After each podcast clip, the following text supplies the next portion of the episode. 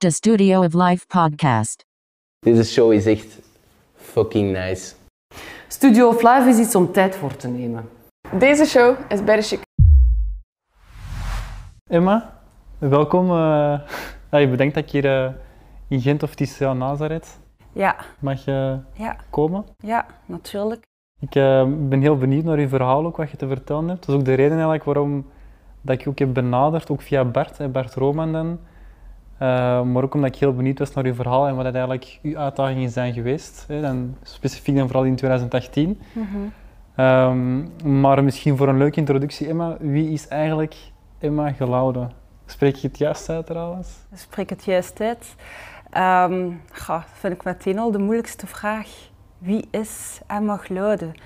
Um, wie ben ik? Uh, ik heb het altijd moeilijk gehad om mezelf te omschrijven. Ik heb het altijd moeilijk gehad om een naamkaartje te ontwikkelen, om een titel op mezelf te plakken. Omdat het moment dat ik dat doe, voel ik me eigenlijk begrensd en um, heb ik het gevoel dat het niet accuraat omschrijft wie dat ik ben. Dus misschien kan ik gewoon zeggen wat ik al gedaan heb. En dan kunnen andere mensen zelf daar een label aan geven. Um, want momenteel noem ik mezelf een creatief ondernemer. Uh, omdat dat eigenlijk het enige kader is dat ik iets heb van oké, daaronder valt boeken schrijven, daaronder valt, um, ja, ik, ik schrijf, um, uh, ik werk voor L'Officiel ook, waar ik uh, moodboards uitwerk, dat is weer ganz iets anders. maar ook interview geef rond, rond mentaal welzijn, maar ook, ja, hoe dat ik zaken ervaar, aanvoel met waar we nu in leven, de wereld van vandaag. Um, uh, ik heb een personal styling agentschap gehad, daar ben ik eigenlijk mee begonnen in 2007. Um, en daarvoor, uh, ja, moet ik zo ver terug gaan eigenlijk? Ja? Oeh. Uh, ik, um, daarvoor deed ik modellenwerk en studeerde ik psychologie. Dat is altijd al iets dat mij immens gefascineerd heeft. Um, maar dat ging mij op een bepaalde manier te traag. Uh, en was ook niet eigenlijk concreet wat ik dan wou. Uh, ondertussen deed ik modellenwerk. Ik woonde ook half in Milaan. En dat, er waren nieuwe deuren die zich openden. Um, ja, wat, wat doet het eigenlijk met, als je op 15-jarige leeftijd internationaal model wordt, wat doet het eigenlijk met u als mens op die moment? Dat is toch iets heel, ja, ja. Iets heel um, veranderlijk of toch heel groot? Ja, it throws you in the open. Um, de onschuld is weg. Uh, nu, die was al weg. Dus, uh, dus het is ook niet dat ik daar uh, immens van ondersteboven was. Maar dat leerde u onafhankelijk zijn.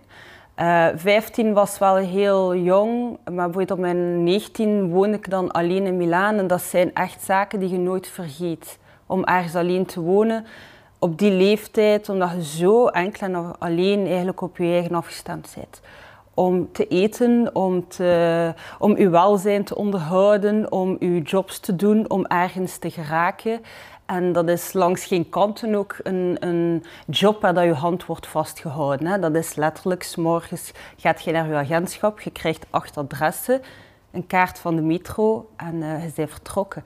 Want dat was toch de tijd voor de gsm's in op manier. Is dat, wij, dat was niet zo... Ja, alleszins, ik was niet op mijn gsm aan het kijken om de weg te vinden. Dat, dat was er toen nog niet.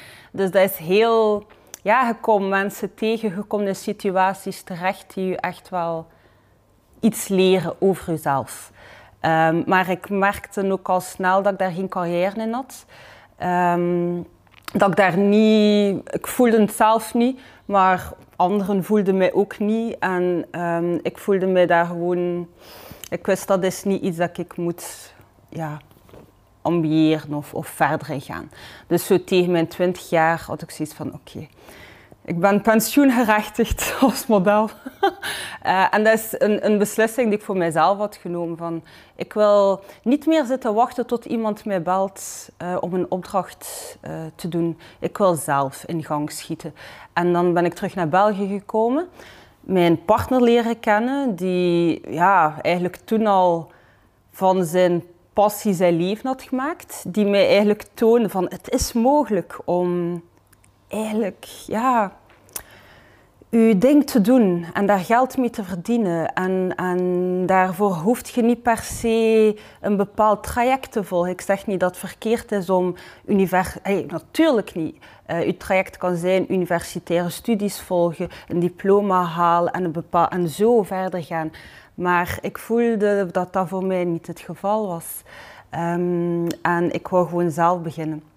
Gans de mode had mij iets me veel dingen geleerd, maar ook de immense impact wat styling op u kan hebben. En um, al die jobs hebben, mij, hebben verschillende facetten van mij eruit getrokken. En ik merkte hoe dat je via styling u een ander persoon kon voelen. En dat is veel meer dan, dan een paar kledingstukken. Dat is de mindset dat je kunt creëren. En dat is heel, um, ja, dat is heel impactvol. Dus uh, ik kwam terug in België en ik dacht, oké, daar wil ik eigenlijk iets mee doen. Uh, en dan ben ik daarmee gestart op mijn 21 jaar, heel naïef eigenlijk, studies uh, gestopt, mijn universitaire studies gestopt. Mijn ouders waren niet content. Ik had een droom en ja, hoe legde dat uit als je voelt dat ergens naartoe moet? Maar wat zijn de rationele argumenten? I don't know. Buiten dat ik het voel. Uh, dus dat, heeft, dat is allemaal niet gemakkelijk en dat heeft ook veel frictie veroorzaakt en ook veel twijfel. En, en, maar de, de, mijn visie was sterker dan de twijfel en de angst voor wat dat er zou kunnen gebeuren. Ja. Omdat ik ook mijn partner naast mij had, die het mij ook toonde van kijk, het is mogelijk. Ook al doet hij gewoon iets anders. Dus, um... Ja, want over die, daar kom ik nog wel op terug, op die droom dat je dan hebt nagestreefd. Ja. Maar eigenlijk in die modellenwereld, iedereen heeft er ook eigenlijk een, een, vaak een bepaald beeld over. Welke clichés kun je daar eigenlijk in bevestigen en welke kun je daar ook in ontkrachten? Denk zelf. Wat denkt je zelf hoe dat zo'n wereld is? Ik denk dat mensen dat ook wel weten. Dat je daar geen illusies uh, over moet maken dat dat een wereld is die, dat is een hele mooie wereld, dat is een droomwereld, maar zo in elke wereld, als je in de gesloten kamers gaat kijken, wat er achter de schermen soms gebeurt, veel dingen die niet kunnen. En dan, ik ben zelf ook in situaties verzeild geraakt die als ik nu op terugkijk, die absoluut niet kunnen.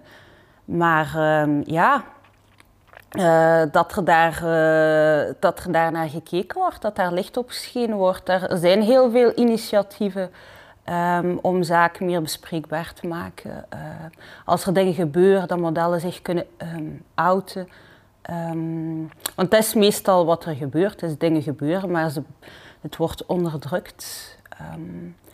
waardoor ja, dat je giftige, toxische patronen krijgt. Nu, dat is een bepaald deel, maar er is een gans deel aan, aan de mode dat fantastisch is. Hè? Um, dus het is niet altijd zo, maar in elke wereld ja, uh, hangen daar figuren rond die daar niet eigenlijk uh, voor de juiste beweegreden zijn. En, um, ik weet alleszins dat ik niet happig ga zijn om mijn kind onder dag 10 in die wereld te laten gaan. Omdat je zo sterk in je schoenen moet staan omdat grap gebeurd is, dingen. Omdat je ook niet, ja, omdat je ook niet alles in de hand hebt. En, omdat, en ook niet alleen de dingen die kunnen gebeuren, maar de impact dat dat heeft op je zelfbeeld. Want je wordt enkel en alleen voor op je uiterlijk beoordeeld. En het gaat letterlijk over je elleboog is te zwaar. Letterlijk. Je begint, je krijgt, je wordt heel bewust van je uiterlijk. En dat is niet zo gezond. Niet zo gezond als dat niet gekaderd wordt en geëikt wordt door, oké, ja, het is ja, schoon haar of, of, of een, een bepaald figuur, maar als daar tegenover een ongezond leven staat en ongelukkig zijn staat, dan is dat niet het waard. Als dat niet uit jezelf komt, als, als, als als elke keer als je geen opdracht binnenhaalt, als dat een aanslag is op je zelfbeeld, dan is dat niet de juiste reden dat je daarin zit. Want dan zoekt jij eigenlijk gewoon zelfvertrouwen, dat jij hoopt dat iemand anders je gaat geven in de vorm van een opdracht. En dan zijn dat heel pijnlijke dingen. Dus ehm, het leert u heel veel. Eh, maar mensen moeten het vrije wil daarin en het vrije wil daaruit kunnen. Ehm, maar het is, het, is, het is een fantastisch leerschool geweest. Hè. Dat niet. Ik heb fantastische dingen gedaan. Hè. Eh, en, en herinneringen. Maar eh, blij ook dat ik het afgesloten heb.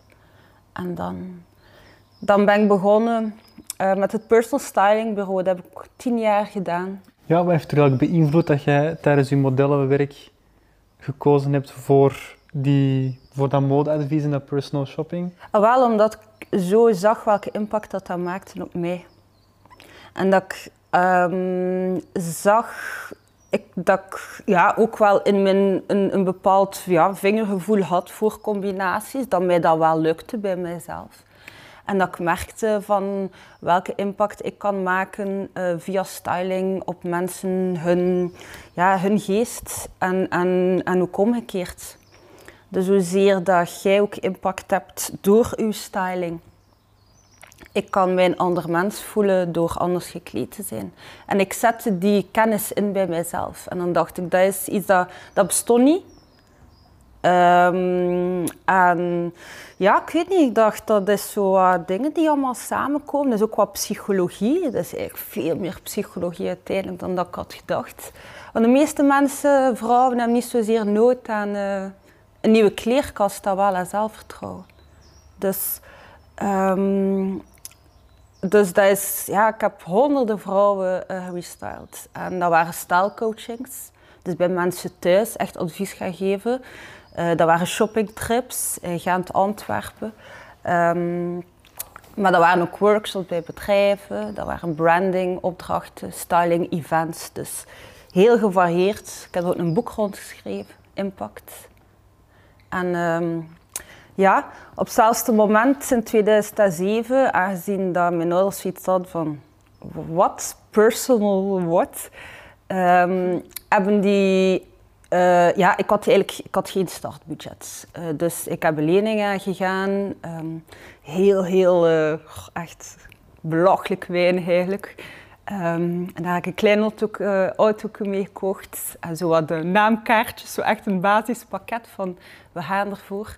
Maar geen, uh, geen budget voor promo, marketing en die zaken. En uh, mijn moeder, die in de marketingwereld zat, die had mij wel op gesprekken gestuurd. Ze had gezegd van kijk, geen, geen geld, maar ik ga je wel, um, ik ga je wel bij een paar mensen een keer op gesprek laten, laten gaan en je ziet maar wat eruit had. En een van die mensen had gesproken over een blog. En dat bestond toen nog niet, alleen schriftelijk. En dat was eigenlijk nog iets dat niet echt uh, ja, gekend was. En dacht, oké, dat is interessant. Ik ga gewoon mijn, mijn, dingen die ik doe, daarop schrijven. Daarop uh, posten, heel veel foto's, styling tips. En um, ik ga zo eigenlijk uh, mijn promo maken. via mond-aan-mond reclame en, en dat heeft uh, uiteindelijk teweeggebracht dat dat niet, mijn, niet alleen mijn personal styling business heel, ja, dat heeft geen windeieren gelegd voor die business, maar is eigenlijk, dat was dan, bleek dan een allereerste modeblog te zijn. Dus op dat traject, een paar jaar later, ik heb ook Hans zien opkomen. Het eerst waren een paar blogs en dan is dat groter geworden, dan is social gekomen. Dus ik heb ook Hans zien veranderen. En daar ben ik ook op, op, op dat parcours heb ik ook vrij veel wijze dingen kunnen doen. Ja. Super veel mooie merken kunnen samenwerken. Mijn eerste campagne was met eBay. Um, in 2011 was dat. Dus dat was Hans in het begin van, van alles. En ik, ik kreeg immense vrijheid. Hè. Ik, kreeg, uh, ik kreeg een budget en ik kreeg een thema en ik mocht doen wat ik wilde. En dat was eigenlijk fantastisch. En dat heb ik jaren gedaan, tot wanneer dat we met heel velen waren en dat ook social is gekomen. En dat zaken veranderd zijn, dat het minder ging over eigen creatie, maar dan meer over, ja, het moest rapper allemaal gaan en het moest op ja, het moest opdrachten veranderden. Er waren meerdere mensen en er was een, een veel groter kader. Kijk, dat is wat je moet doen, dat moet zetten. Of dat is de, de creativiteit, de eigen input was er, is er heel erg uitgegaan. Um, nu is dat een beetje naar terugkomen, maar dat is er een tijd echt uitgegaan. En dan, ja, dan voelde ik ook van oké, dingen zijn aan het veranderen. Eh, en dan ja, is dat eigenlijk ook eh, samen met de personal styling business beginnen afronden tegen eh, 2017, 2018. Ja, want je hebt met die blog heb je ook een aantal prijzen gewonnen, denk Ja. ik. Hoe heeft dat eigenlijk je leven veranderd? Die prijzen? Ja. Niets. Heeft dat niks misschien teweeg of de katalysator gezorgd voor andere projecten of andere dingen, of niet zozeer? Hoeveel keer dat ik gedacht heb, dat gaat zijn. Die een boek dat ik ga schrijven, dat gaat beginnen. Dat tv-programma, dat gaat beginnen. Die acht pagina's in, eh, in een grote krant, goh, dat gaat zijn. Nee jong, Ehm, dat zal sowieso iets gedaan hebben, sowieso. Ehm, op verschillende parameters, maar dat, dat, is, dat, dat was niet de, ja, de overtreffende factor, zeker niet. Zeker niet. En daar, ja, daar heb ik mij al even moeten overzetten, dat zo niet werkt. Dat het niet kwestie is van plots gaat het er zijn, dan wel dat het eerder een evolutief transformerend proces is. Mm, Maar het is leuk om erkenning te krijgen. Dat is een feit. Ehm, en ben daar ook dankbaar voor dat ik die prijs heb. En ik ga die ook altijd bijhouden. Ehm, maar het is niet zo, niet zo dat ik iets had van, ah oké, wow, nu is het zover. Nee. En ergens ook niet van, nu ben ik het waard. Ook niet. Ja. Je hebt ook heel veel vrouwen, zeg je zelf, ook gestyled of gerestyled.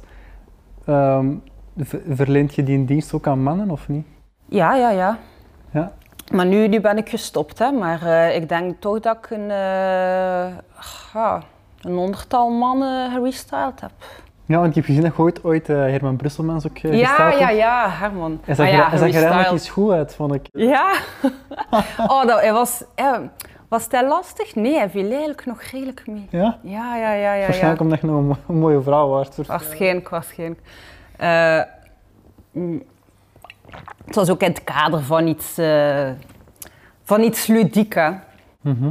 Maar ja, het ging niet echt over styling. Dat was wel duidelijk. Wat vind je van mijn stijl trouwens? Is dat oké? Zeker oké, zeker oké. Ja, het zal wel. Denk die bevestiging had ik Het nodig. zal wel, maar je hebt die bevestiging van mij niet nodig. Hè? Allee. Ehm, waar ik gewoon naar kijk, is niet zozeer wat vind ik mooi, alhoewel dat ik het mooi vind, uw stijl. Ehm, maar eh past het bij uw persoon? Ehm, en heb je slim gekocht op een bepaalde manier? Heb je geld goed besteed? Combineert je juist? Haalt je het maximum uit? uit je kledij, maar ook uit jezelf. Heel veel vrouwen denken bijvoorbeeld dat ze niet staan met een bepaald silhouet en, en, en, en sluiten dat uit voor zichzelf. Maar op, op het einde van de rit, zij een bepaalde leeftijd en draaiden nog twee uniformen en één kleur waar dat je je geweldig in voelt. En je hebt eigenlijk alles afgeschreven voor jezelf. Maar die beseffende dat je je eigenlijk immens limiteert. En waarom zouden dat doen? Ja, wat ik ook altijd denk, zo, is zo, je eigen stijl creëren is toch niet gemakkelijk eigenlijk. Heb je daar eigenlijk tips voor, Emma? Omdat je mensen die misschien niet zo into fashion zijn, zoals jij, van hoe dat je eigenlijk een eigen stijl kunt creëren? Hoe kunnen een eigen stijl creëren? Ehm, ga eh, door heel concreet, praktisch, door te framen of te listen al wat jij mooi vindt. Zo kan, dat is een heel praktische manier. En dat kan kledij zijn, maar dat kunnen ook eh, stijlen zijn van een huis. Want dingen hangen aan elkaar. Hè. Iemand met een sterke of een, een, een, echt een individuele stijl, normaal gezien kledingstijl, gaat je dat ook zien in iemand zijn huis. Of gaat je dat ook zien in, in dat, dat stroomt verder. Dat is meer dan alleen, ik zie graag dat kleur, dat is een, ja, een vibe, een sfeer, een stijl. Ehm, dus praktisch, eh, kijk in magazines bijvoorbeeld, eh, of, of, of list een paar zaken, ehm, of doe het digitaal, maar maak een soort van moodboard. Dat kan een heel goed begin zijn. Kijk naar andere mensen, geen copy-paste, maar laat je inspireren. Ga ze mode, ga over inspireren. Ga het leven, ga over u, u laten inspireren en dan er uw eigen ding aan koppelen. Dus ehm, kijk naar andere mensen die je gekleed vindt. Haal daar ideeën uit eh, en dan proberen. Ehm, veel mensen eh, stoppen daar dan bij het, de experimentele fase. Maar daar moet je doorgaan. Je moet een keer, je moet proberen. En, en dat zich dat dan niet vertaalt buitenshuis tot daartoe, maar eigenlijk zou het dan moeten. Dus dat dat ook zo goed is dat jonge mensen, die keer, en, jongeren die alle stijlen doorgaan, laat die doen. Die voelen, die proeven van alles en die gaan wel op hun, op hun punt terechtkomen, hun stijl. Maar je moet toch alles een keer, je moet een keer proeven.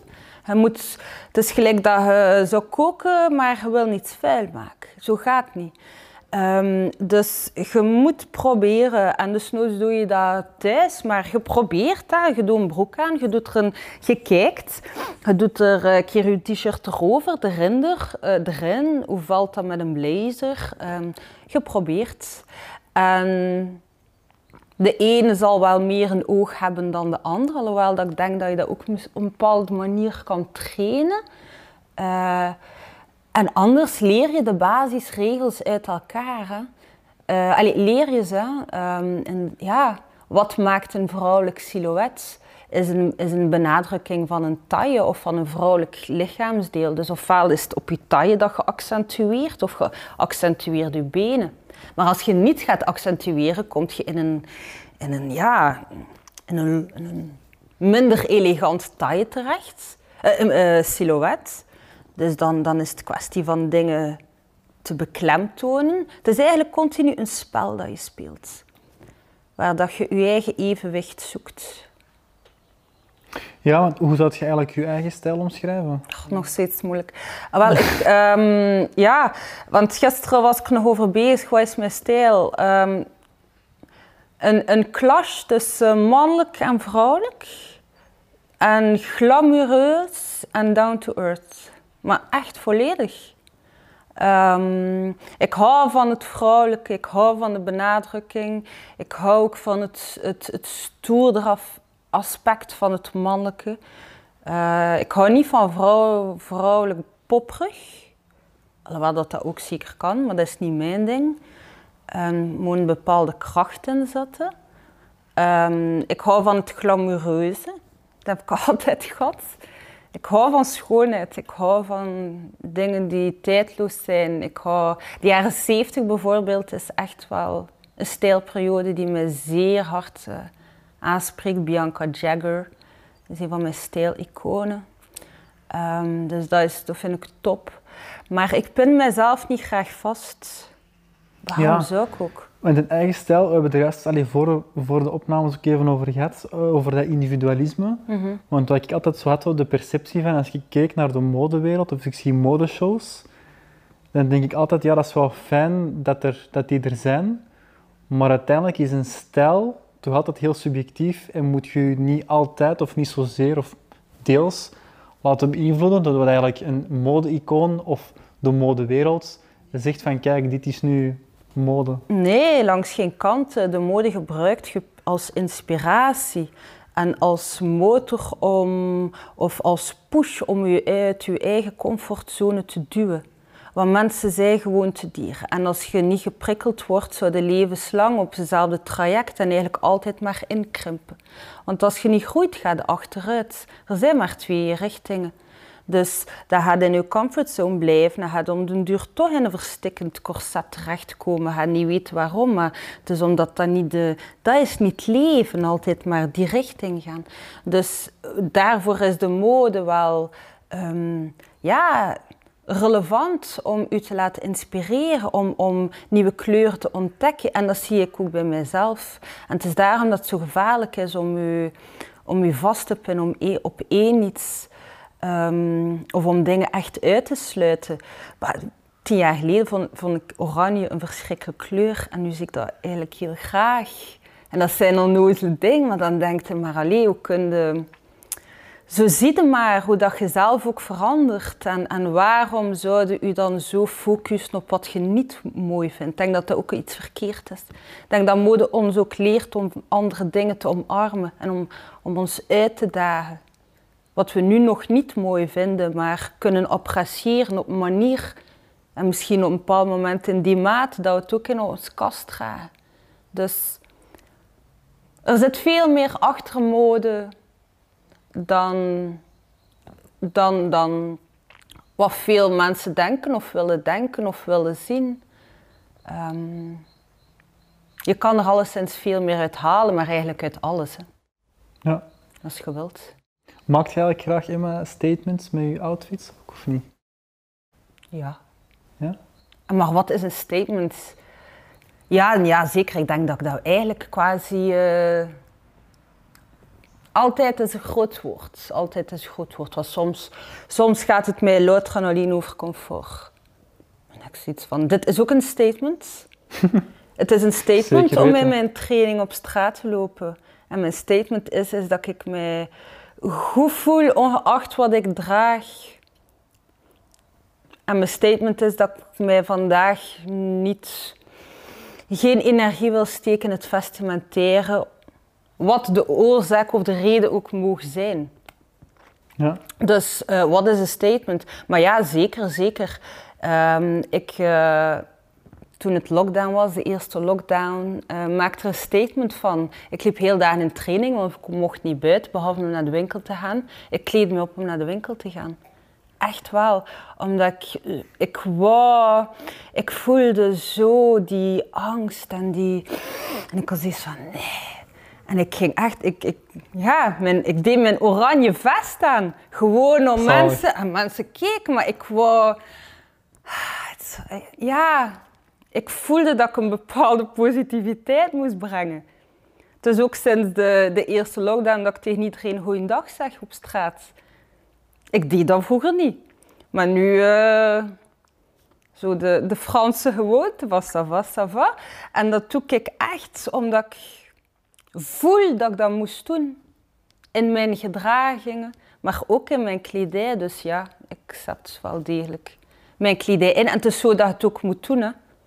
Zonder dat je een pressure moet voelen of een druk om een bepaald niveau te halen of een bepaald beeld. Is dat niet vermoeiend om soms zo na te denken over wat je gaat dragen eigenlijk? Nee, want het is mijn gevoel dat zegt. Oké. Legt jij ook je outfits klaar Ah nee, dat gaat niet. de avond ervoor ook niet? Nee, Ah, nee, maar ik weet Ah, niet wat mij toch gaat voelen. gevoel, ja. Ja. En dat is ook hetgeen dat je gewoon moet loslaten. Eh, Is... Ik vertrek van een gevoel, ik vertrek van een stuk en dan doe ik de oefening er rond. Dus daar zit er dan misschien het technische aspect, waar dat je gewoon goed in voelt, eh, wordt liever, als je daar veel mee bezig bent. Is dat gewoon makkelijk ziet welke snits passen op elkaar, welke kleuren combineren mooi. Maar het moeilijkste is eigenlijk uw aanzet. Waar begin je? Eenmaal dat je broek hebt, is het gemakkelijk. Hè? Allee, je spiraalt er rond. Maar het is zo, begin je? En dat is mijn gevoel dat mij zegt. Maar dat kan, eh, soms kan dat gevoel er zijn, maar is het zoekende naar het juiste kledingstuk. Ja. Dus de beste outfits zijn als mijn dressing overhoop ligt. Echt wel. ja, over kledingstukken gesproken, draagt je mantel van Givenchy nog uit de jaren 80 of niet? Ja, ja, ja. Ja, zo'n topstuk. ja, dat zal wel. Dat zijn zo wijze stukken, vooral dat ik zoiets gekocht heb op een rommelmarkt. Ik weet dat nog altijd. Dat is wijs als je zoiets gekoopt voor 15 euro. En dat je weet van, ach, het juiste eten, eh, het juiste drinken. Dus ehm, door heel bewust dingen tot mij te laten en ook andere dingen te schrappen. Ehm, ik weet heel goed wie ja wat me energie kost. Eh, wie niet. Het kost altijd energie, maar wie werkt drainerend? En bij wie voel ik mij, of door wat voel ik mij leeg?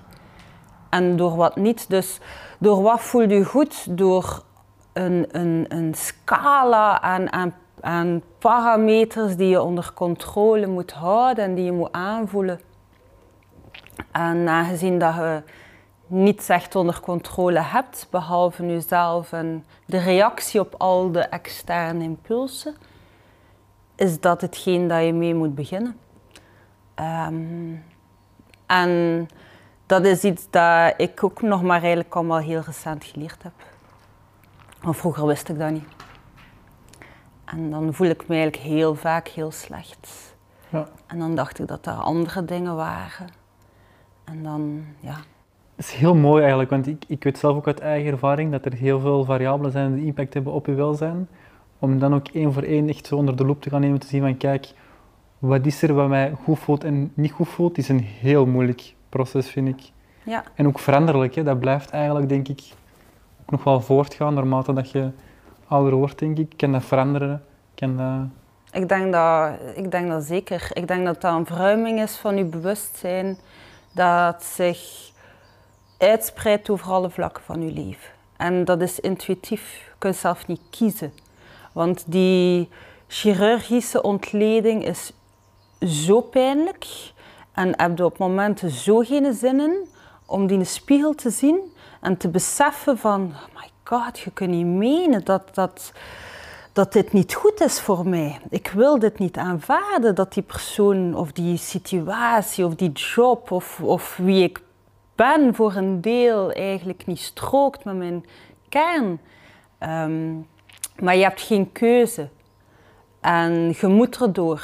En je beseft dat ook pas is als je het ziet, als je de pijn voelt, dat je het kunt loslaten op een manier en kunt transformeren naar iets anders. Maar ehm, het is een gruwelijk proces. Vooral om, op die momenten voelt je ook niet goed. Hè? Allee, bij mij was dat toch. Het was niet op, op, op eh, de, de in mijn leven dat dit gebeurde. Hè? Het was wanneer dat ik me echt al, eh, wanneer ik me immens kwetsbaar voelde dat het begon. Hè? Dus het is rauw. Ik kan het eigenlijk niet anders zeggen. Ja. Nu, in een nog niet zo ver- recent verleden of verleden is ook, eh, heb je ook een dochter gekregen, hè? Jackie Rio, denk Ja. ik. Ja. Ehm, die onbewust waarschijnlijk ook een heel hoop steladvies meekrijgt. Eh, maar mijn vraag is eigenlijk, wat heb je eigenlijk geleerd van je dochter tot dus? Oh my god. Ah, mijn boek heb ik voor haar geschreven. De laatste die nog niet, nog niet gepubliceerd is Ja. geweest. Ja. Zij is. Zij staat bovenaan mijn dankwoord. Zij is mijn breekpunt en mijn lichtpunt geweest. Zij is.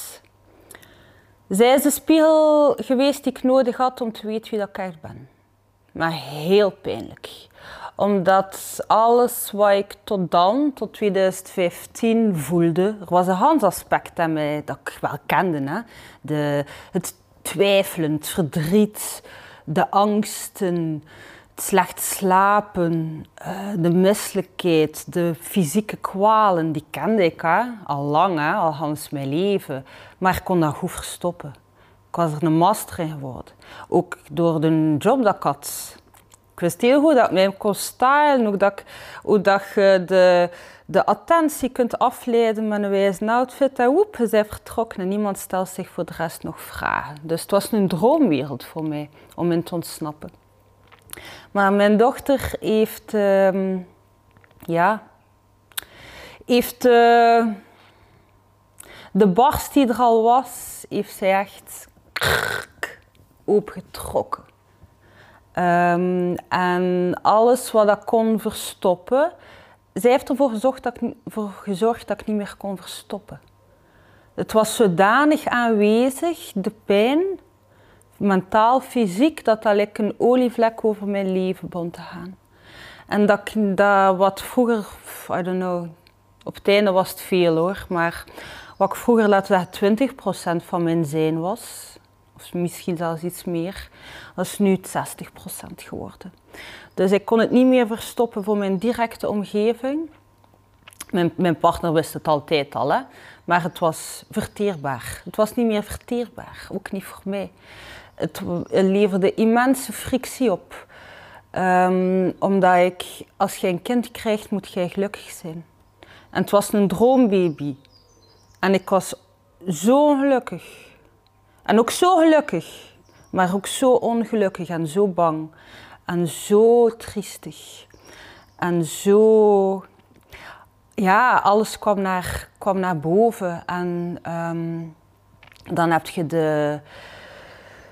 de, ja, de, de, de slaaploze nachten die zo zwaar ook erin hakken. Dus ik, ben al gans mijn leven een slechte slaper. Nu is dat beter. Ehm, maar als je dan nog, als je al niet goed voelt en dan ga je in periodes dat je, ik weet de laatste maand van mijn zwangerschap, ik denk dat ik niet slaap. nee. Echt, echt niet, hè. Ik lag heel de dagen eigenlijk als een, allee, te rusten. Maar ik kon niet meer, de stress was te hoog, ik kon niet meer omschakelen. En ook als zij er was, ik, ik was fysiek zo naar beneden aan het gaan. En mijn zelfbeeld kelderde terug. Ik heb een eetstoornis gehad vroeger en ik heb dat kunnen zelf verwerken. Maar eigenlijk was dat nooit echt volledig opgelost. En dat is immens weer naar boven gekomen. Ik haat mijn lijf. Ik haatte alles. Was super ontgoocheld in mezelf. Want ik was altijd die glamoureuze, die grote, die sterke. Ik had net een boek... Allee, met een, ja, ik had dat beeld van mezelf. En plots ging dat niet. Was ik zelfs niet in staat om voor een droombaby te zorgen. Eh, ik, kon, ik weet 100% dat ik die periode niet had doorgekomen zonder mijn partner. Ik ben verschoten van de gedachten dat ik had. Mai. Zo zwart. En dan ligt er zo'n kind voor u. En dan moet, is iedereen zo... Ja, wat moet je zeggen? Ik ben doodongelukkig. Dus de mensen verstaan dat niet, hè? Ik, begrijp, ik ook, ook niet. Hè? Dus dat levert immense frictie op. Maar een mens is ongelooflijk hoe dat je verder doet. Hoe dat je ja, je optrekt aan dingen. Hoe dat ik denk dat ik dat verschillende malen in mijn laatste boek, ik denk, I know, beschrijf. ehm, de kracht van mensen om niet op te geven, om te blijven verder doen. Waar zit het punt tussen het gaat niet en het gaat niet meer? Ik heb me dat heel vaak afgevraagd. Wanneer, wanneer moet ik zeggen, nu gaat het niet meer? Want iedere keer dat ik dacht, ik kan dit echt niet. Want ik ben ook bij de dokter gaan zitten, echt, dat ik zei van, dit is niet normaal. Maar uiteindelijk heb ik dan eh, de diagnose postnatale gekregen, maar jaren later, depressie. Maar als iemand anders dat niet echt ziet, dan jij eigenlijk ook niet. Of je wil het, als je iets niet wil zien, hè, dan ziet het niet. Dus ik deed verder. En ik heb toen nog een boek geschreven. En ik heb, wel, ik heb eigenlijk gedaan wat ik kende. En waar ik wist dat mensen mij voor kenden. En wat ik wist dat ik succes in had. Is nog een opdracht doen. Nog een job doen. Nog iets dat succesvol is. En dan ben ik, ik nog op alles wat er gaande was, ben ik een boek beginnen schrijven. Heb ik een ondernemersplatform gestart. Ben ik allerlei opdrachten nog beginnen aanpakken. En dat was het begin van het einde. Ehm, omdat in een boek was dan eigenlijk een soort van tweede pijnlijke bevalling. Want in een boek ging het dan over tien jaar ondernemen. Dan dacht ik, ik ga schrijven over ja, weet je, mensen hebben een beeld van ondernemen. Dat, eh, en ook dan van mij, en dat is ook het beeld dat ik dan uitgedragen had. Van kijk, je doet iets gemaakt van je hobby, je beroep. En jee, het gaat zo vlotjes naar boven. Maar zo is het niet gegaan. Hè. Ik ben super vaak op mijn bek gegaan. Hè. Ik heb heel veel dingen gedaan die, die niet gelukt zijn. En dat wil ik zeggen. En door die een boek te schrijven... Maar elke pagina dat ik omdraaide, werd mij duidelijker hoe ongelukkig dat ik nog altijd was en hoeveel dat ik gedaan had. En dat was echt zo, ja, confronterend. Om daar maar in een boek te zitten, maar allemaal, maar allemaal wijze dingen die ik gedaan had. Maar dat ik nog altijd niet zoiets had van, ik voel mij goed in mijn vel. Ik voel mij het waard. Ik was nog altijd aan het zoeken. Ik was nog altijd aan het wachten op die prijs. Nog altijd aan het wachten op, op gelijk iets, ik weet niet. Die ging zeggen, nu zij de goed. Dan dacht ik van, maar, wat, maar wat, met wat ben ik bezig? Maar dan nog niet beseffen wat er mijn gaande is. Gewoon mij nog slechter voelen. En de, de tegenbeweging is ongelooflijk. Als ik dan kijk nu op mijn Instagram, of wat ik toen deed, is dat je dat omslaat, of ik toch, in extreme positiviteit. Is hoe harder, moeilijker, hoe onder water dat je aan het strappelen bent, hoe groter dat je smile in de show wordt. Hoe meer schmink dat ik droeg, echt wel. Het is een masker dat je begint te schminken. Allee, je, je wordt een ander persoon. En de, de frictie is enorm, want de persoon dat je bent voor de buitenwereld staat compleet los eigenlijk van de persoon dat je wordt vanaf dat je deur binnenkomt. En dat is maar iets dat... Voor mij was dat drie jaar leefbaar. En dan ben ik gecrashed in 2018.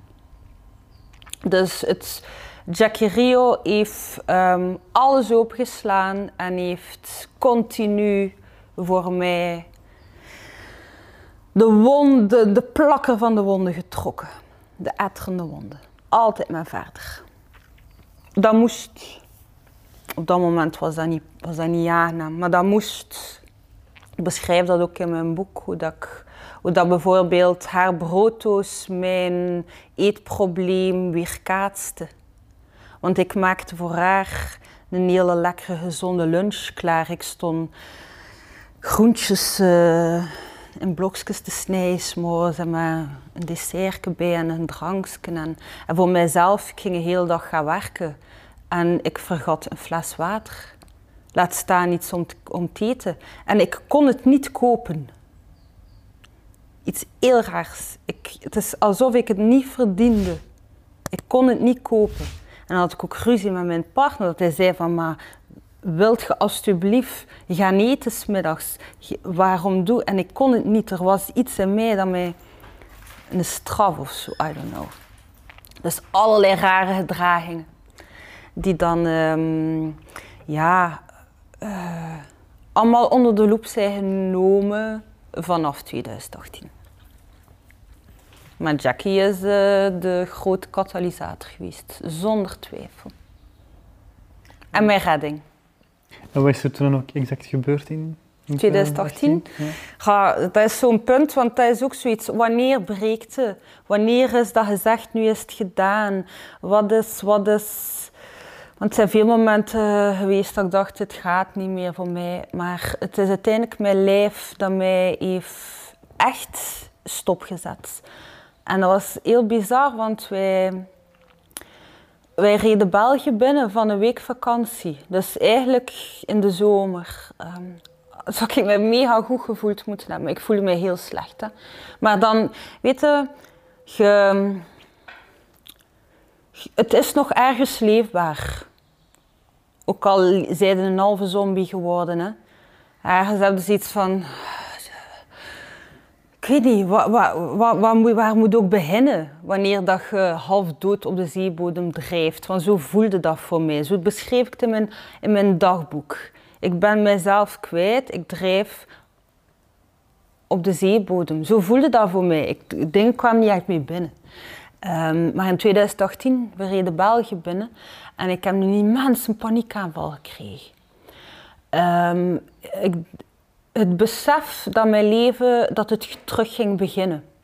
Dat de stress terug ging beginnen. Dat, ik binnen, dat het leven dat ik kende, het, het, het drie, vier keer per week naar Antwerpen rijden, shoppings, um, die, die coachings die heel veel van mij vergden. Wat ik nu door heb, dat is veel meer psychologie. En ik, ik, nu begrijp ik waarom dat ik s'avonds als ik naar huis reed niet meer, zelfs niet meer naar de radio kon luisteren. Omdat ik me zo gedraineerd voelde. Zo leeg. De, de impact dat ik maakte was soms enorm op mensen, maar ik was kapot. En um, dat besef uh, heeft niet de mensen paniekaanval teweeggebracht. En ik ben toen begin, ja, als je dat kent, de paniekaanval, dat is iets heel onaangenaams. En ik ben beginnen schrijven en hyperventileren. En daar heb ik voor het eerst ook tussen alle tranen door aan mezelf duidelijk gemaakt dat het niet meer gaat. Ehm, en ben dan in mijn bed gekropen en dan ben ik er eigenlijk figuurlijk maanden niet meer uitgeraakt.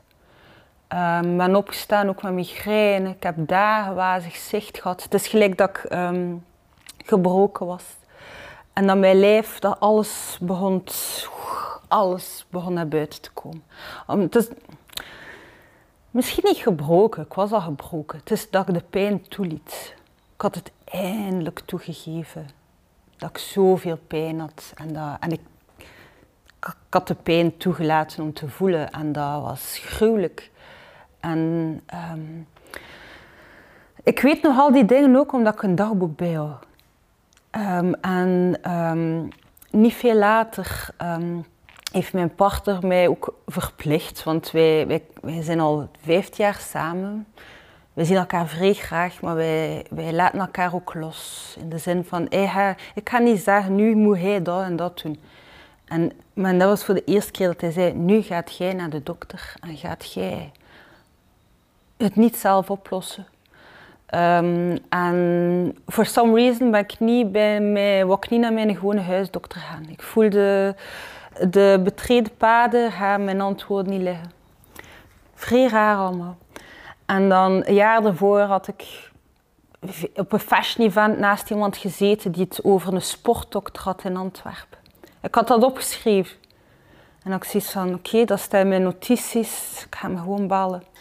En dan zat ik bij een sportdokter en dan heb ik een bloedonderzoek laten doen. En uh, daar zijn er allerlei uh, ja, disbalansen uitgekomen. En mijn cortisol levels dat echt spikten tot en met. En dat was ook de laatste keer dat ik daar geweest was. Want ik voelde heel duidelijk, hier stop het. Ik ben eigenlijk gans mijn project heel intuïtief gedaan. Soms een paar keer bij de diene persoon, dan bij de diene, dan ene keer maar.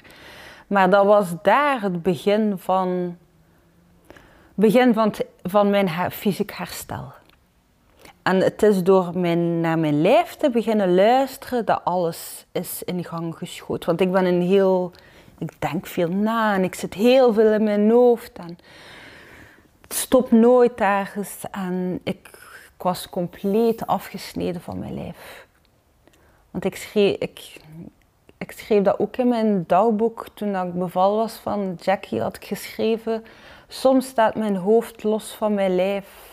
En dat is ook, dat was ook zo. Like dat ik geen. Ja. was een ander iets. Geen verbinding had of zo? Door de pijn gewoon, nu besef ik dat. Door het niet te kunnen voelen, aanvaarden. Um, bang ervoor te zijn. Om de ogen te kijken. Van waar, van waar komt dat? Zal, dat gebrek aan zelfvertrouwen. Van waar komt die eetstoornis? Wat ligt er aan de basis? Dus, uh, en dat heeft uh, mijn kind mij gedwongen om naar te kijken. Ja, en waar lag je eigenlijk dan aan de basis van die uitdagingen waar je toen mee zat? Gebrek aan zelfvertrouwen. Um, en heel specifiek, dat, dat, doet er ook niet toe en dat heb ik ook niet beschreven in mijn boek, wat de specifieke reden is. Of, en iedereen heeft zijn, zijn verhaal ook. En um, ik heb ook geleerd dat het ook niet aan mij is om, om iets of iemand te beschuldigen of te kaderen. Of dat is de reden van. Nee, ik ben wie dat ik ben door de acties en de zaken die. Ja, ik doorgemaakt heb, maar vooral wat ik eruit geleerd heb. Um, dus um, wat is de reden? Um, de reden is, is dat, ik geen, dat, ik, dat ik geen zelfvertrouwen had. Dat mijn gronding niet juist zat. Is dat ik zocht naar uh, iemand anders die mij ging zeggen, je bent goed genoeg. net zoals een eetstoornis en, en, en het beeld dat ik wou bereiken wat, wat wilde eigenlijk doen? Ja, ook, maar het, is heel, het is, het is, dat is voor mijzelf, ik kan ook enkel voor mijzelf spreken. Dat was deels in een bepaalde maat kunnen, maar dat was ook deels controle hebben over iets dat controle over had. Omdat ik over niets anders controle had. En dat maakt je immens zenuwachtig. Maar eten, dat heb je onder, onder controle. Ehm, en niet dat je het onder controle hebt, hè, want je emoties hebben nu onder controle. Maar jij bepaalt het. Dus het is een heel spel ook. Het is, is, ja, het is multigelaagd, het is heel individueel en toch heel universeel. Is het voor u nu ook gemakkelijker om die controle los te laten? Ja. Want nu heb ik gewoon door dat je hebt controle nodig als je, als je niet zeker...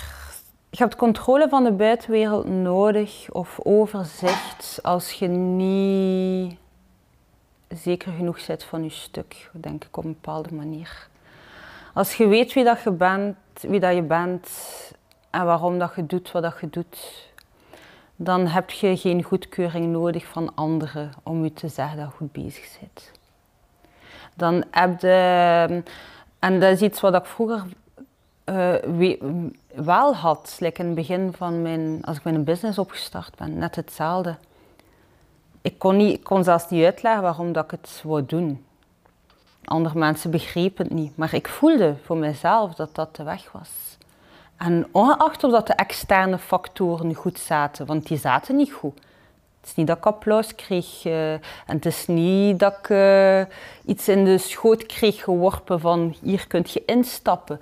Het is niet dat, dat, dat de blog al bestond, de blogosfeer. Dus je, als, als je zeker bent van je stuk en waarom dat je iets doet, who cares wat de externe omstandigheden zijn. Die hebben invloed, maar niet alles bepalend.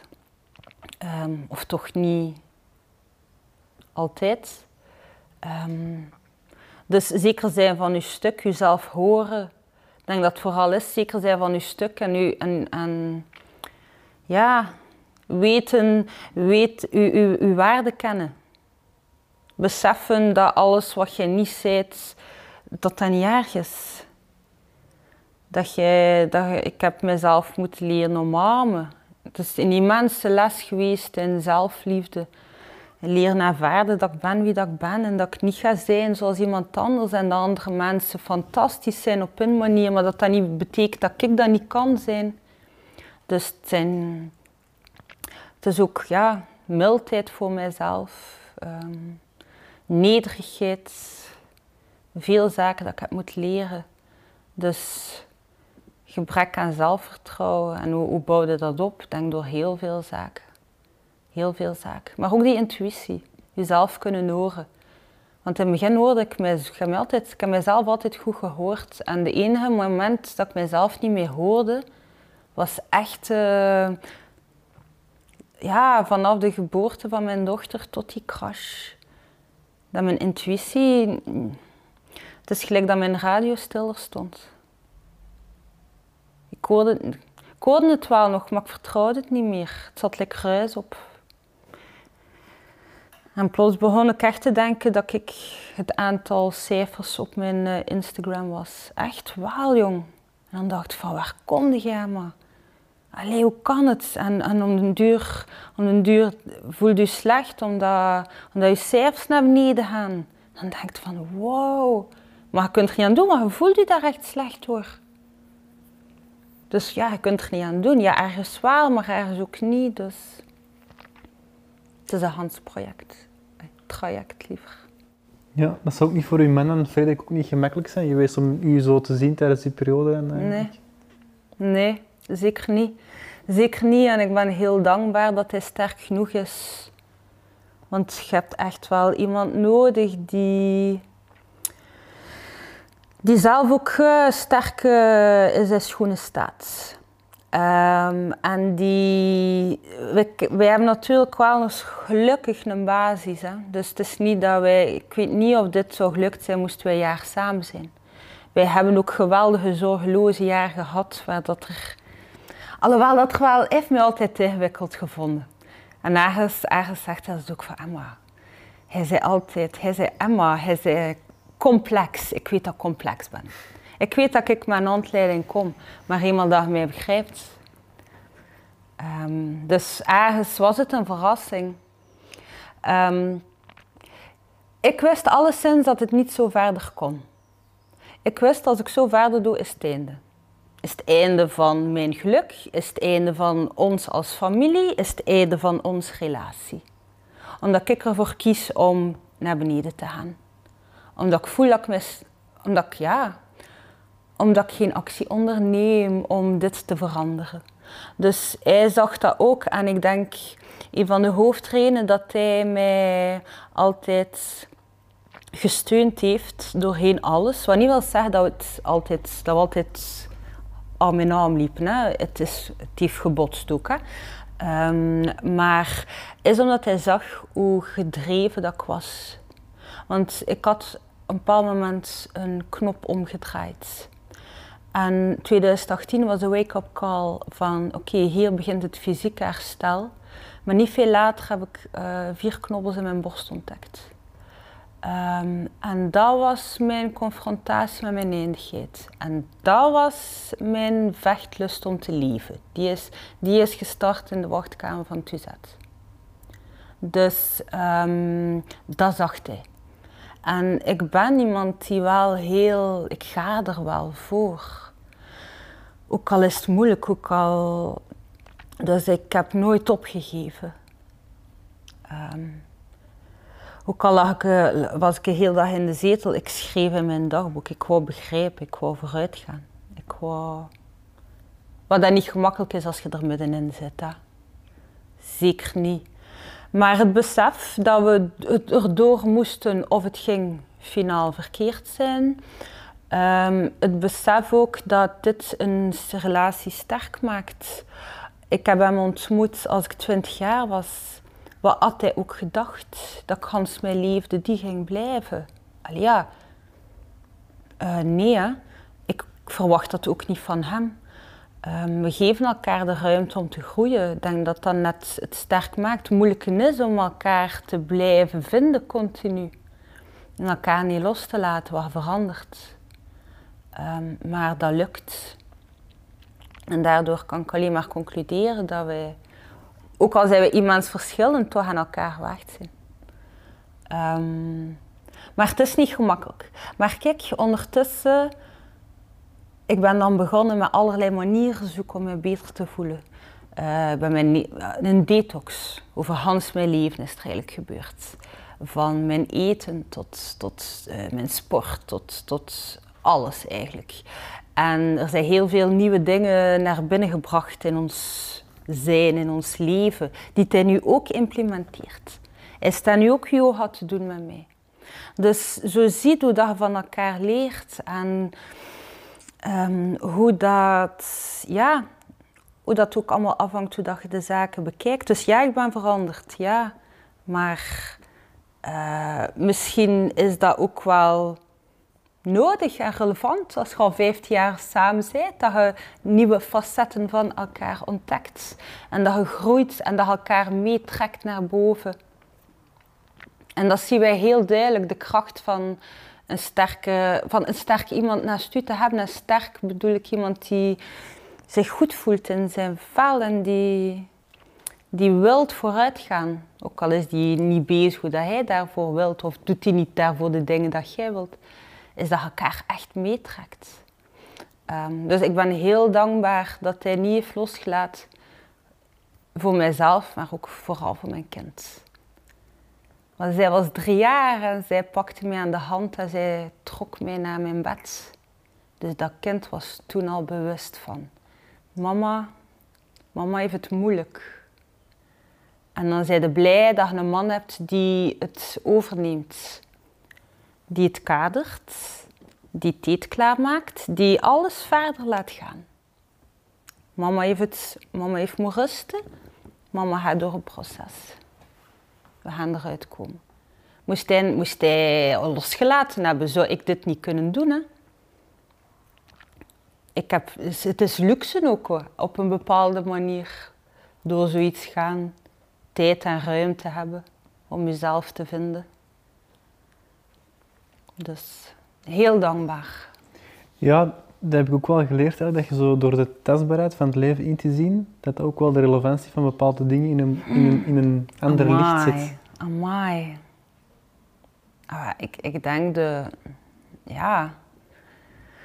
Geconfronteerd worden met... Dit was het. Dit is het einde.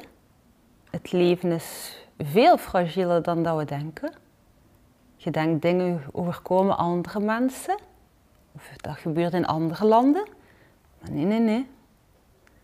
We zijn allemaal hetzelfde. Ehm, we zijn geen uitzondering. En dat is een immens hard besef, maar waar ik dankbaar voor ben, want het kadert de zaken. Het heeft mij immens veel zaken doen inzien, maar wat ik bijvoorbeeld meteen aan denk is hoe, kos- eh, hoe kostbaar elk moment van de dag is. Waar dat ik vroeger heel vaak mij liet meedrijven in mijn verdriet. Of dat ik een slechte ochtend had. En meestal een dag is, was voor mij één geheel. Een slechte ochtend, dat is een slechte dag. En wil ik een nieuwe kans, dan ga ik wachten totdat de zon opkomt. En soms ging dat extreem, hè. Ging dat, is dat een maandag? Is dat volgende maand? Echt letterlijk lijkt dat je wacht op een nieuw jaar. Hè? Ik denk dat heel veel mensen dat wel kennen. Ja, 2022, dat gaat worden. Ja, dat is eigenlijk net hetzelfde. Hè? Je gaat je geluk uitstellen tot wat. Ehm, en dat, dat had ik heel erg. En door geconfronteerd te worden van, hé, hey, maar zoveel tijd heb. Allee, ja, tijd is ook het enige waar we geen controle over hebben. En dat heeft mij heel erg doen stilstaan bij, voelt jij je slecht? Oké, het is goed. Aanvaard dat.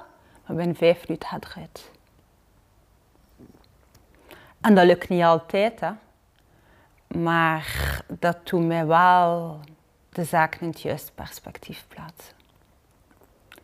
Door niet een omtant telefoontje mijn dag te laten over, overschaduwen. Het is het niet waard. Maar voordat je het weet, krijg je dan nieuws. Dat, dat, dat, je, ja, dat je gezondheid aangevallen wordt en dat je plots... eh, ja. Dus... Dus, eh, het, het, het, ehm, het levert levensvragen op die normaal enkel op het einde van je leven komen. Hè. Wanneer dat je weet van oké, dit was het. Oké, en dan begin je te denken. En dat zijn vragen die ik nu al eh, in de schoot kreeg geworpen. En ehm, dat, zijn, dat zijn harde vragen, maar dat zijn wel vragen die heel relevant zijn. En die het leven met een ander paar ogen doen bekijken. Zijn de doe ik, ben ik wie ik ben en wil zijn en doe ik met mijn tijd wat ik wil doen. En voor hetzelfde geld is morgen gedaan. En dat heeft mij, ik denk dat dat, het, het, de confrontatie met mijn eindigheid is misschien het begin van het einde van mijn depressie geweest. En ik zoiets had van, stel je voor dat binnen twee jaar gedaan is, of binnen een jaar gedaan is. Ehm, wil ik dan nog een jaar ongelukkig zijn? Is dat dan hetgene? Nee, hè? Nee, echt niet. Als je mij, moest aan mij zeggen, het is nu nog een jaar, wel, ik, ik, ik spring uit het vliegtuig. Ik ga er alles uithalen. Om, te- om, om te vieren hoe schoon dat leven is. Ehm, dat is dan die levenswil in mij en die vechtlust en die wilskracht. Eh, dus ehm, daarvoor was het leven niet plots omgedraaid. Maar het deed mij wel dingen herbekijken. Ik was iets van, oké. Oké, er zit een, eh, een houdbaarheid, een een datum. Een houdbaarheidsdatum op mij dus wel degelijk. Er is eindigheid. Alles, en alles komt een einde. En aangezien dat ik niet de timing van dat in de hand heb, maar wel de beleving tot het einde, ga ik dat wel trachten te controleren. En er zoiets fantastisch mogelijk van proberen maken. Ja, dat is eigenlijk heel mooi, want ik heb dat zelf, had ik dat vroeger niet. door die testbaarheid te zien van het leven, had ik zoiets van, gaf mij dat eerder een angstig gevoel, maar nu, net zoals jij, wat heel mooi is om te zien, kun je er eigenlijk motivatie uit halen of toch kracht om eigenlijk ja, om voor te gaan of om Ja, alles eruit te halen wat eruit te halen ja, valt. ja dat, het is, het is, eigenlijk is het alles behalve, ja, het is donker. Ik denk dat alles eigenlijk, ja, eh, je kunt alles langs alle kanten bekijken. Dus ja, het is heel donker en het is een einde en het staat voor gemis en het staat voor, ja, het einde van iets, hè, de afronding. Ehm, maar ergens, ergens ehm, toont u wel welke oppo- opportuniteiten er nu, de dag van vandaag, op dit moment zijn. En ik weet gewoon, en dat is iets dat ik al Hans mijn leven zeg, de dag dat ik op mijn sterfbed lig, ik wil, ik wil, me, ik wil daar, ik wil liggen met het gevoel alsof ik alles heb gedaan wat ik wou doen. En dat ik heb gezegd wat ik wou zeggen. En dan is het voor mij goed. Ik meen het. Het lijkt mij een absolute verschrikking om daar te liggen en te denken van had ik maar dat gedaan of gezegd. En dat is iets wat,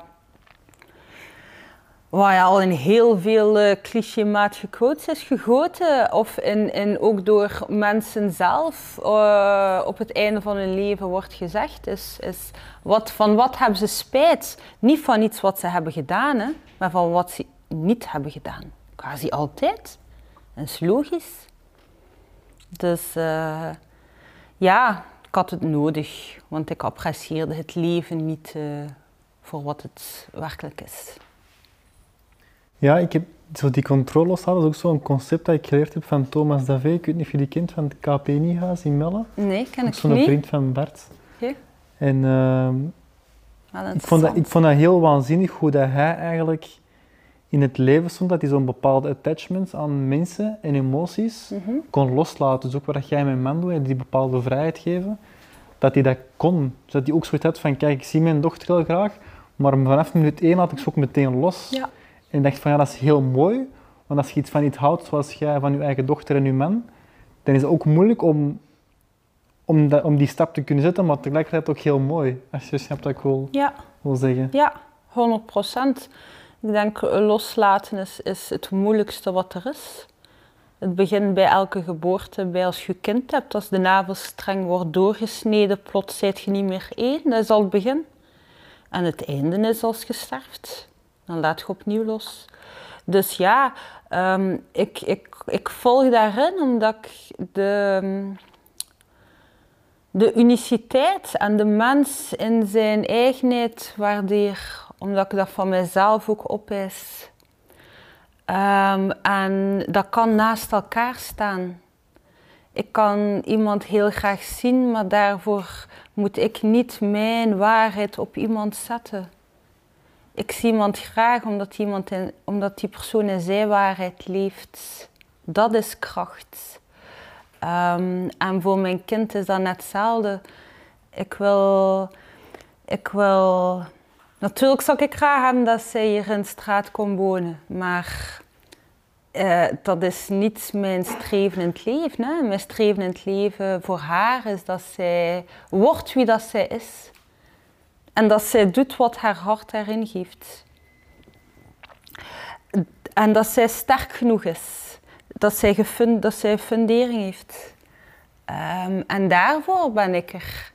Maar ik ben er niet om haar te limiteren in haar zijn. Omdat dat toch niet werkt. Als jij mij restricties oplegt en ik voel dat dat niet gegrond is. En dat dat komt uit onzekerheid. Want waarom als partner houdt je elkaar vast? Uit onzekerheid, toch? Denk ik. Dat werkt niet bij ons. Op geen enkel vlak.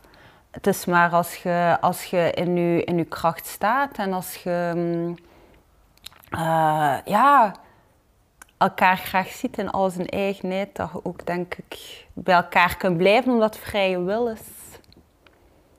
Hmm. Maar ik denk niet dat het gemakkelijk is. Ja, over dat ook loslaten gesproken en die controle. Ik had ook gezien uh, in een van uw posts, um, zegt je dat je eigenlijk een keuze hebt hè, om iemand te zijn of een eigen persona kunt creëren, waar ik ook echt achter sta. Maar dan vraag ik me eigenlijk, echt, eigenlijk ook oprecht af van ja, als je iemand kunt creëren, hoe genuine of hoe echt is die persona dat je gecreëerd hebt?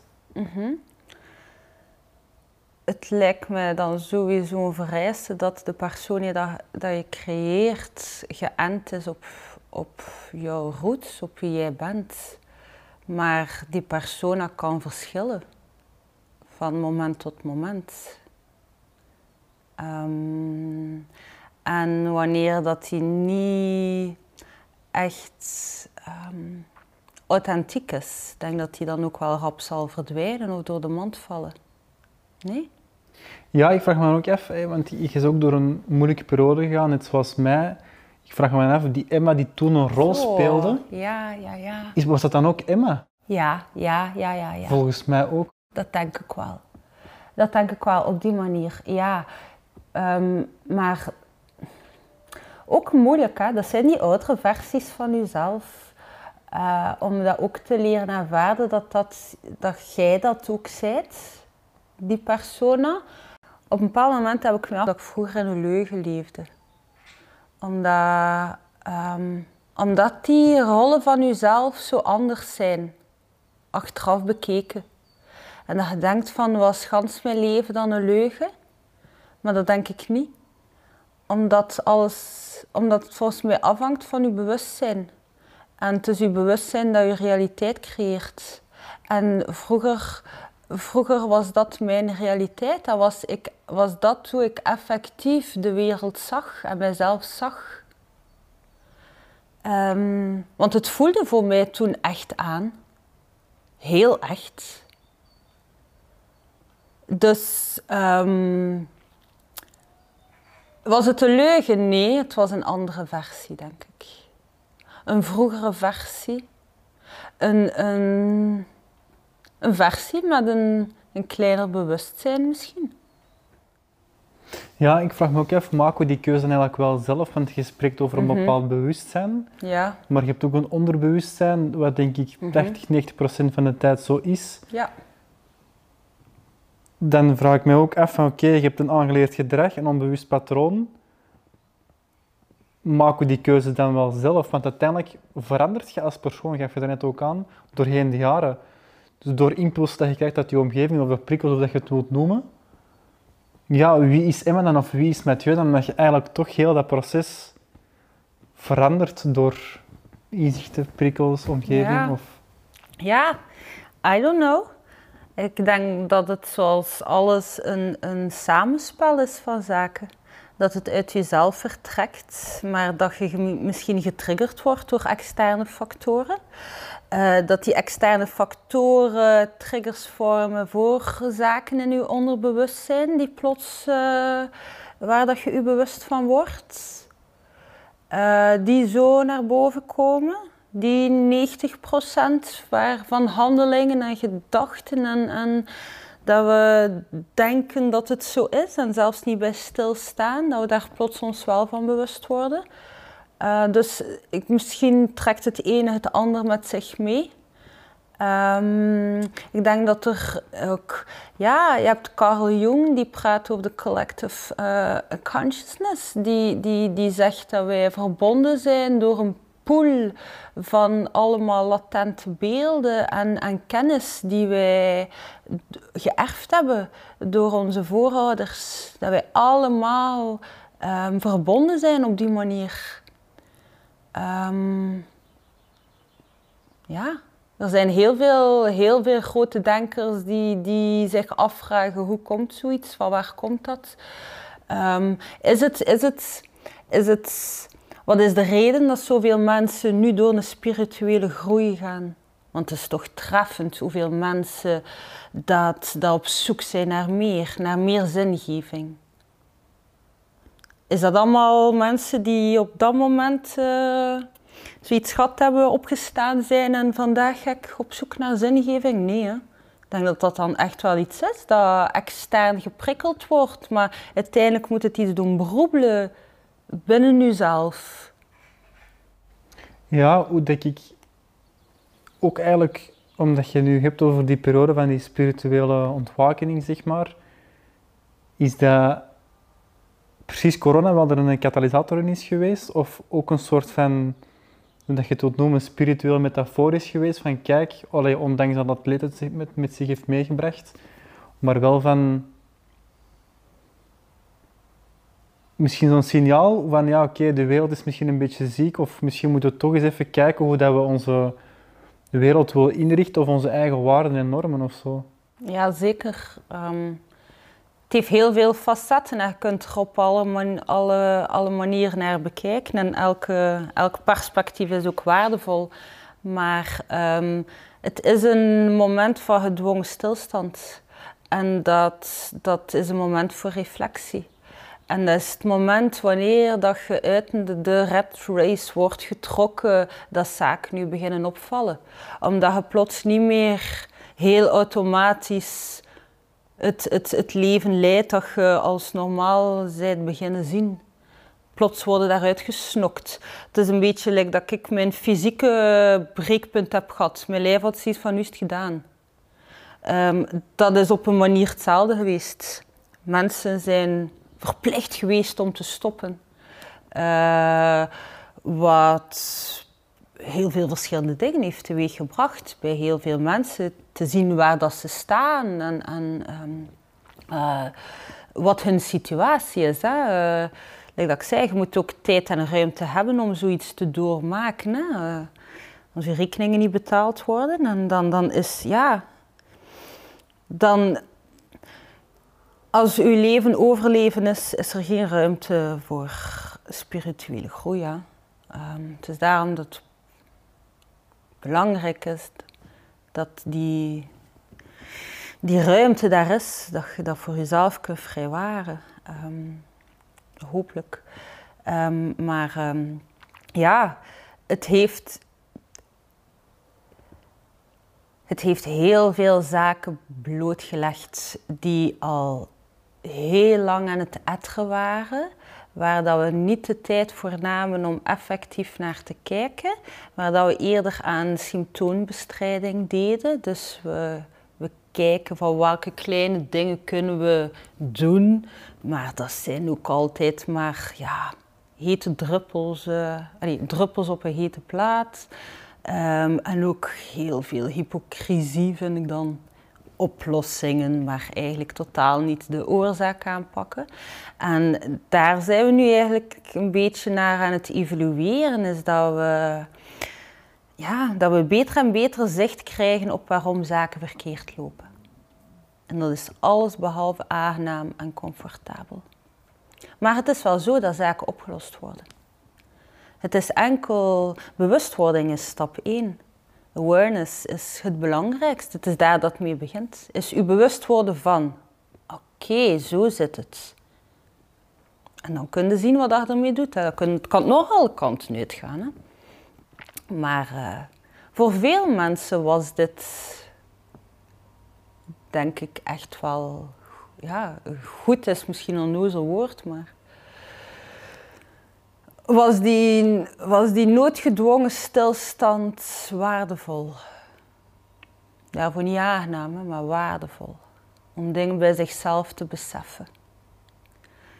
Om te beseffen dat, ja, dat ze meer rust nodig hebben. Dat ze liever op hun eigen tempo werken. Ehm, dat continu ergens zijn. Dat continu een gevulde agenda dat dat wijs is, maar dat dat een tol vergt en dat, dat het niet zozeer niet wijs is om een lege agenda te hebben. Het is geen zwart-wit verhaal. En het is ook niet dat een volle agenda niet leuk is, hè? maar het is gewoon dat het omgekeerde niet zo'n verschrikking is, like dat wij altijd, of dat ik altijd gedacht heb. Je bent niet succesvol als je niet heel daar bezig zit. Maar ja, nu hebben we wel gezien wat dat hoe leeg die term op een bepaald manier is. Hè? Maar wat is succesvol? Dus het, het, Ja, stilstaan eh, roept vragen op, die andere vragen oproepen, die antwoorden heeft die niet wijs zijn, maar die verder pushen en duwen, sowieso. Dus ik, ik, ja, ik denk dat we hier echt goed gaan uitkomen. Echt wel. Hoe heb je eigenlijk zelf die corona ervaren? Ja, hoe heb ik dat zelf ervaren? Ga. Als, laat me zo zeggen, ergens een bevestiging van zaken die ik al heel mijn leven voelde. Ehm, een bevestiging van je moet je eigen geluk bepalen. Je moet je eigen leven leiden. Je moet niet wachten op iemand anders. Je moet niet. Want ik kan alleen met mezelf spreken. Je moet niet een bepaalde lijn doorlopen, een bepaalde structuur volgen om te geraken waar dat jij wilt geraken. Ehm, wij zijn de eigen. Wij zijn degene die ons, die ons de invulling bepalen van ons, van ons geluk, van ons tijd. Ehm, ja, het heeft mij in, in die mogelijk nogal onafhankelijker gemaakt. En het is, een, het, is een, het, is, het is wat ik beschreef daarnet ook. Hè. Hoe meer druk dat op mij gaat zetten, hoe, verder dat ik ga, ga springen. Dus, dus ik voel dat. Hoe, hoe langer dat, dat, ik, eh, dat we restricties hebben, hoe meer dat ik de neiging heb om te willen zijn wie dat ik ben en mijn waarheid op te eisen. Hoe meer dat mij gaat zeggen dat ik niet mag zeggen wat ik denk, hoe, meer dat ik, hoe luider dat ik ga roepen. En dat is niet omdat ik per se wil dat mensen mij horen, maar omdat ik weet, omdat ik voel, omdat ik, omdat ik weet waarom dat ik, wat ik doe. Waarom dat ik wat doe. Omdat ik voel dat ik het moet doen. Dus ehm, ja, het is een hele moeilijke periode geweest. Nog altijd, hè. Om zo heel daar gebombardeerd te worden met het einde van de wereld. Ja, want in uw, in uw bio ook, ik, kan, ik ga het proberen parafraseren, maar dat een heel grote overwinning is om jezelf te zijn in een wereld dat je constant probeert te veranderen. Maar hoe probeert eigenlijk, Emma, jezelf te zijn in, in zo'n wereld? Door mezelf graag te zien en mezelf te aanvaarden. En te beseffen dat mijn waarheid waarde heeft. Ook al zijn vele mensen daar niet mee akkoord, maar dat is oké. Want mensen moeten niet akkoord zijn. Ik wil niet dat jij hetzelfde denkt als mij. Ik wil wel dat jij de ruimte hebt om uw waarheid te kunnen praten. En doordat ik dat opwijs voor mijzelf, toon ik dat het voor anderen ook oké is. Dus ehm, daar, door zo dingen te doen, door, ehm, door letterlijk te zeggen wat ik voel, te doen wat ik voel, door mijn, door mijn grenzen te bewaken. Ik denk dat grenzen iets is dat veel mensen missen. Veel mensen horen zelfs hun grens niet meer wanneer dat die bereikt is. Hè? Dus daar begint al mee. Ik ook lang niet. Hè? Ik jaren over mijn grens gegaan, ben letterlijk in burn-out moet gegaan. Mijn lijf heeft mij moeten zeggen. Die grens was eigenlijk al jaren bereikt. Dus ik begrijp het. Maar het begint met beseffen, hmm, dit is voor mij niet oké. Maar dan moet er ook op ageren. Hè? Want dat, die fase heb ik ook gehad in het begin, ik heb altijd vrij goed gevoeld. Ja, ja, nee, ja, die weg moet ik ingaan, zo voel ik mij bij die persoon. Maar dan moet het nog durven uitspreken hè? en opeisen. En dan is het nog de kunst om dat ook op die manier te doen, dat je niet, dat je niet het vanuit angst doet, of vanuit kwaadheid, of omdat jij je goesting moest zeggen. Nee, maar dat je het doet vanuit liefde en vanuit kalm, kalmte. Omdat het zo is hoe dat jij denkt, punt uit. En jij bent akkoord met iemand anders, maar jij eist voor jezelf, hier stop het. Wat die andere persoon ermee doet, maakt niet uit. Dus ehm, ja, die grenzen is, eh, is, een, is, is cruciaal, wilt je jezelf zijn in deze wereld. Je grenzen kennen, ze uitspreken en eh, liefst op die manier ehm, dat verbindend werkt.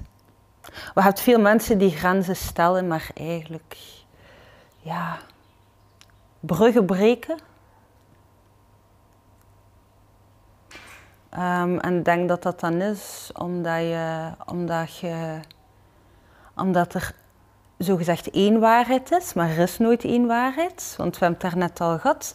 Als alles, als, alleen alles, of als zaken vooral dan draaien over bewustzijn en dat een bepaalde realiteit creëert, wel, toen was dit voor mij de waarheid.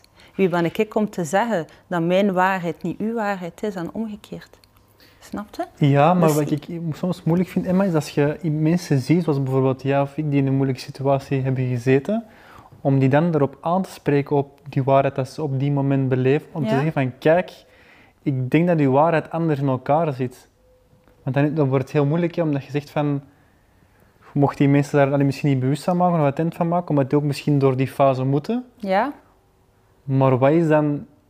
Allee, op zo'n moment is dat iemand zijn waarheid, maar kun je die waarheid dan ook voor juist aannemen? Dan? Maar moet jij die voor juist aannemen?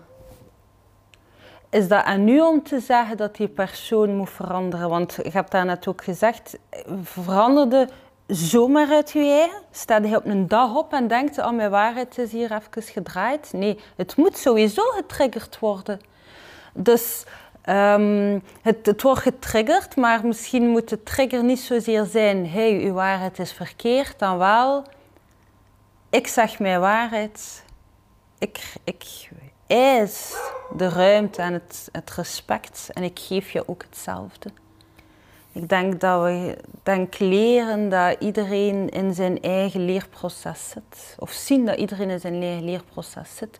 Heel belangrijk is dat we empathie kunnen creëren en dat we, dat we kunnen zien dat, dat er heel veel redenen zijn waarom dat iemand in een bepaalde waarheid zit. Want is het een keuze? Nee, ergens, ergens ja, ergens nee, I don't know. Maar denk niet dat mensen bereidwillig in een waarheid zitten waar ze zich heel slecht in voelen. Hè? Zwaar en tegelijkertijd zit er ook heel veel waarheid in pijn eigenlijk. Hè? Ook. Dus ja, Ja, ook. Dus ik denk eigenlijk, hè, eigenlijk moet je gewoon ook, ik denk vaak aan mijzelf terug. Wat heeft mij geholpen in die periode? En dat zijn vooral niet de mensen die gezegd hebben hoe dat ik het moest doen. Ik kreeg een afkeer van mensen die, die, die tegen mij gingen zeggen, uw probleem? Hm, hier, dan moet je doen, de zeven tips. Ah, nee, nee. Hoe durf iemand anders zich over mij zetten? Over iets waar ik al Hans mijn leven over nadenk en hier even in een half uur heb samengevat tegen u. En nu denkt hij dat hij het gaat hebben, mijn oplossing. Amai, hoe arrogant is dat. Niet beseffende dat ik dat momenten ook heb gedaan bij andere mensen. Toen ik mij on top voelde. En, en ik deed dat uit heel veel liefde. En nu zie ik dat ook. Mensen willen helpen uit liefde, maar zeggen de verkeerde dingen, doen de verkeerde dingen. Of verkeerd goed, dat is misschien het juiste woord niet, maar niet op de meest ehm, positieve, opbouwende manier. Ehm, het beste wat iemand tegen mij kon zeggen op dat moment was van... eh, ik hou je hand vast. Ehm, ik zie waar jij doorgaat. Ik, ga u, ik aanvaard je op elk moment en elk... Ja, ik aanvaard elk facet van u. En we zien wel, ik ga met u door dit proces. Maar niet zozeer iemand die heeft gezegd, nu moet je zo denken, nu moet je zo doen. Maar die mij heeft losgelaten En die mij voor gewoon vertrouwen heeft gegeven dat ik het ging kunnen oplossen. Het beste voorbeeld is, dat, dat leerde bij een kind aan. Kun je honderdduizend keer zeggen tegen je kind, het moest zo. Maar als je het zelf niet doet, hè, ga je direct hebben ze dat door. Dus eh, je moet het goede voorbeeld zijn. En dat is ook het, dat is die spiegel aan kinderen. Want we hebben, allemaal schone praatjes en we weten allemaal goed en de regels, maar als puntje bij paaltje komt bij je eigen. En ja, uh, bij het kind ligt de, de, aantal koeken te tellen dat je geeft, het aantal niknokjes, maar zelf eet een half pak leeg als ze naar bed ligt. Dat, dat, zo gaat het niet. Hè? Hm.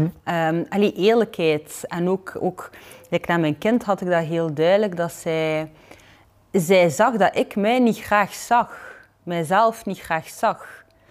Dus ik, ik, ik kon, ik wist, ik kan gans haar tegen haar zeggen, jij bent mooi, je lichaam is mooi. Maar als ik iedere keer, als ik mezelf zie, in een kramp schiet, en, en als ik niet, als ik in bikini of badpak ben, mij verstop en heel tijd, dat, dat, wat denk je dat de meeste impact gaat hebben? Dus het zijn uw gedragingen, het is uw vibe. En ik denk dat dat ook de manier is dat je de meeste impact kunt maken. En dat is ook waar dat we de dag van vandaag in zitten. Ik denk dat het niet zo meer gaat over welk argument hebben we nodig om, om iemand te doen veranderen. Het gaat niet meer over rationaliteit, het gaat over, denk ik, energetisch. We zitten op energetisch level nu. Dus voelen. Wie vertrekt er vanuit zijn waarheid? Ook al is dat niet uw opinie, maar wie zegt wat dat hij echt denkt. Wie zit er daar niet voor andere redenen? En eenmaal dat je het op dat niveau begint te voelen, dan is dat eigenlijk... Dan hoorde hij wel, maar dan, dan is het gevoel veel, veel prominenter en duidelijker. En zichtbaarder. Ja. En dan wordt het een ganz anders gesprek. En een ganz ander iets waar dat we in zitten. Ja, klopt volledig. Um, ik probeer zelf ook altijd eigenlijk aan het einde van een gesprek nog twee vragen te stellen, Emma. Uh, Eén daarvan is, uh, we komen ooit overlijden, hè? helaas of niet helaas. Um, maar als wat voor een persoon had je dan herinnerd willen worden? Iemand die haar waarheid liefde.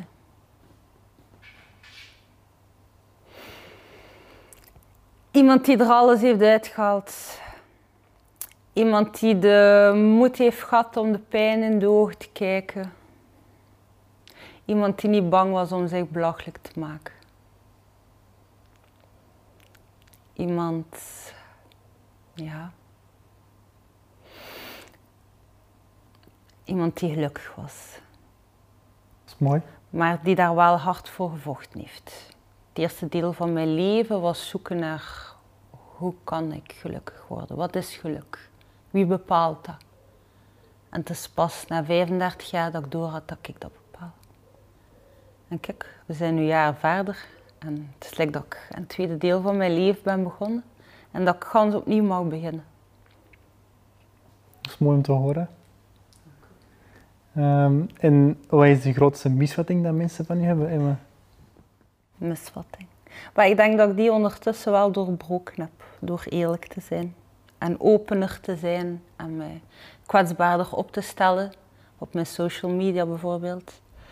Maar is de, de vlekloosheid van mijn bestaan. Het is alles behalve eigenlijk. Maar mensen zien mij en mensen denken, goh, wauw. Maar soms moet je afvragen dat mensen die soms het verst zijn geraakt hebben, daar soms ook torst voor moeten werken. Ik, ik sta niet zomaar waar dat ik sta. Ik weet dat ik daar hard voor gewerkt heb. En dat is nu iets dat ik... Dat is vrij moeilijk voor mij. Om mijzelf te bedanken. En ik heb gisteren mijn dankwoord geschreven. Ik heb mijzelf bedankt in mijn boek. Dat is pijnlijk. Ik dacht, Emma voelt dat, doet dat gewoon. Want ik wist, mensen gaan daar raar op reageren, soms. Maar ik dacht, Emma, niets zou ooit zijn gebeurd zonder dat jij het hebt gedaan. Mensen hebben je hand vastgehouden, ja. Maar jij zou niet... Jij hebt in het diepe onbekende gesprongen. Terwijl dat je extreem kwetsbaar voelde. Jij hebt het gedaan.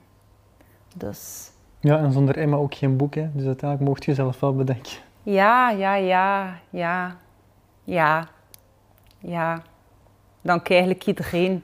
Want dat schreef ik dan ook in mijn dankwoord. Ik dank iedereen. Want zelf was on, zelfs al was onze ervaring onaangenaam, het heeft mij ongetwijfeld veel geleerd en dichter bij mezelf gebracht. Ja, ik hoop dat onze ontmoeting iets aangenamer is geweest. Zeker, zeker Mathieu. Ik heb geen trauma opgelopen. Super. Emma, ik wil je keihard bedanken voor uw tijd. En eh, Jij ik ook, wens je echt Mathieu. het beste doen in je leven en veel meer aan dat en gewoon Ah. alleen maar geluk. Dank u. Voor jou hetzelfde. Dankjewel.